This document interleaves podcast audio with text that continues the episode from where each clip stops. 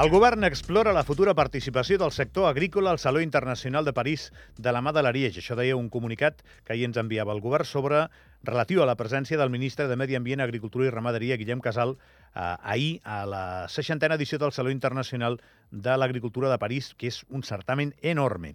Ministre, bon dia. Hola, molt bon dia. Ja ha retornat, eh? Sí, vaig tornar ahir tard, amb Això- la nevada. Això pel que no hi entengui és, és impressionant, no? Jo era el primer cop que hi anava i realment és, és espectacular.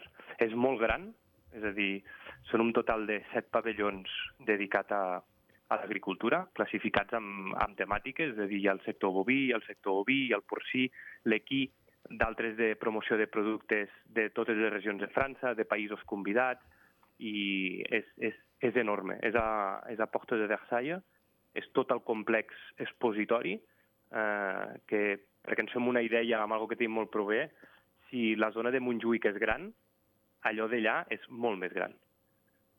Carai.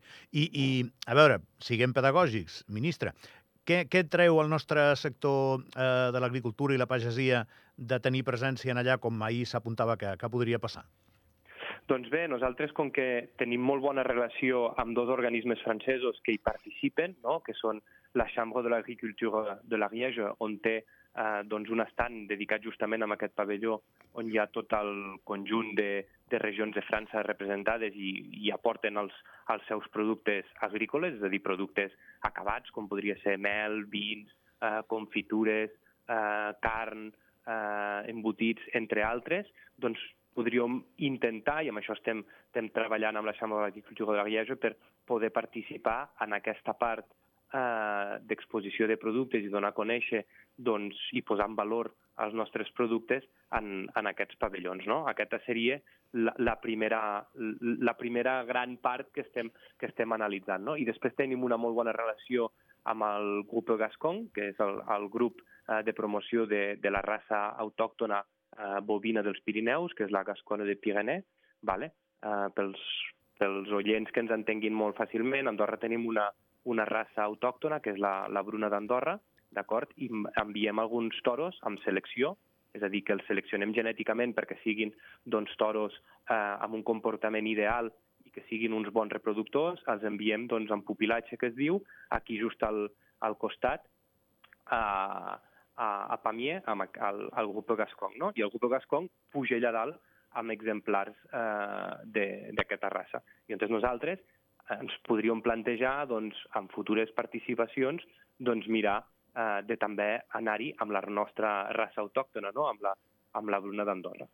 Aquesta segona part és molt més ambiciosa perquè pujar allà dalt amb, amb animals vius eh, d'una part la logística és més complicada, perquè evidentment hem d'arribar a París i una vaca no, no, no agafa eh, l'avió, però també s'ha de complir uns requisits sanitaris no? eh, per poder arribar allà dalt i, per tant, bueno, és, un, és un procés mm, feixuc.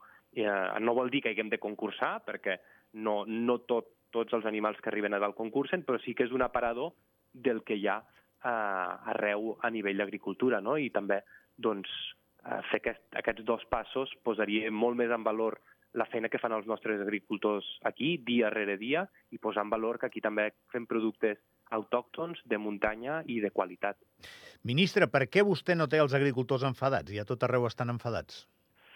Doncs bé, mm, jo crec que per, per diversos motius, no? aquí perquè tampoc ens aplica la política agrària comuna del, de la Unió Europea i que és un dels cavalls de batalla actualment dels agricultors eh, i que eh, reclamen un alleugeriment de les, de les càrregues eh, burocràtiques, no? eh, i això aquí, a Andorra, sortosament, eh, tenim una simplificació burocràtica en aquest sentit que hem de mantenir i que és un dels, dels punts forts eh, del, nostre, del nostre sector, no? Eh, I perquè les dimensions del país, les reduïdes dimensions del país, també ens permet tindre un contacte segurament molt més directe amb el conjunt d'explotacions ramaderes eh, del nostre país. Jo estic fent visites al conjunt d'aquestes explotacions ramaderes, és a dir, em desplaço les explotacions, parlo amb tots els ramaders, miro com tenen l'explotació, i això ens permet, eh, al conjunt del Departament d'Agricultura, recollir aquells neguits més importants que tenen, que tenen els ramaders, no? i poder arribar a fer aquells ajustos que potser són petits ajustos a nivell normatiu, a nivell de reglament, que potser els, els hi simplifiqui la seva, la seva tasca. No? Això que em diu està bé, o sigui, hi ha molta menys distància de la taula del despatx a, a l'explotació ramadera o, o, o a la plantació de, de, de, de la pagesia en general, i això el que fa és que la versió que vostè té sigui totalment certa. Eh, si, si ha de prendre una decisió sobre burocràcia o coses d'aquestes, eh, la tindrà molt més mesurada perquè ja ho ha vist. I vostè és bueno, el ministre. És, exacte. És a dir, nosaltres a, la tardor per la Fira d'Andorra ja vaig anunciar doncs, que eh, per aquest pressupost 2024, que s'acaba d'aprovar fa tot just, eh, crec que es va publicar fa, fa un dia eh, al BOPA o fa, fa dos dies, doncs ja vaig anunciar que teníem l'augment més important que s'havia fet mai en acompanyament amb ajudes directes al, al sector primari, no? amb aquest augment del, del 16%, que equival al voltant de mig milió d'euros més, i per tant aquest, aquesta quantitat que disposem ara eh, total de 3,5 milions d'euros destinades eh, als ajuts els haurem de distribuir eh, de manera eh, estratègica per afavorir la productivitat del nostre sector, perquè al final el que els interessa és tenir més producte, tenir més carn de qualitat d'Andorra, perquè és el que venem, no? I és el que fa funcionar el conjunt del sector. Doncs, per tindre una visió eh, certa de com està organitzada l'agricultura i quins són aquests ajustos estratègics eh, que hem de posar en marxa, doncs parlar amb els, amb els agricultors també també serveix, perquè eh, funcionen hi ha maneres de funcionar, tantes maneres de funcionar com explotacions ramaderes, no? No tots funcionen iguals, no tots tenen eh, doncs, la mateixa logística i, per tant, has de, has de tenir molt en compte el conjunt de les explotacions ramaderes i que si destines els ajuts cap a un costat, que no vesteixis un sant per desvestir-ne un altre, no?, d'alguna manera. I, per tant, doncs, anar parlant amb tots ells i anar proposant les mesures que anem fent de cara a futur, jo crec que és una bona manera de procedir eh, per tinguer-los en compte i, i, i que les modificacions que les que aportem siguin en, en positiu. De seguir tot aquest debat, nosaltres que estan tenint a França, a Espanya, l'estem veient a tota Europa, eh? però en particular el, els que seguim de més a prop són els de França o Espanya, perquè ens afecten també. A vegades ens tallen la, la carretera, però no, no ens són propis, no? I segur que la pregunta que jo li, li acabo de fer, vostè també se l'haurà fet. Eh, m'entens? Si alguna vegada se li enfaden a vostè o al ministre que toqui, no? a l'època que, que, que passi això, els agricultors andorrans llavors ens tallarien la carretera des de dintre, que seria diferent i que seria el que està passant, eh, no una carretera com nosaltres, que en tenim dues així de molt rellevants, no? però, però els estan tallant vies d'accés, vies de comunicació, vull dir, estan tenint un problema ciutadà de primer ordre perquè un sector en concret com l'agricultura s'està queixant. Clar, vostè això ho ha de tenir controlat i segur que s'ho ha plantejat, ministre, no? Veient tantes imatges per televisió.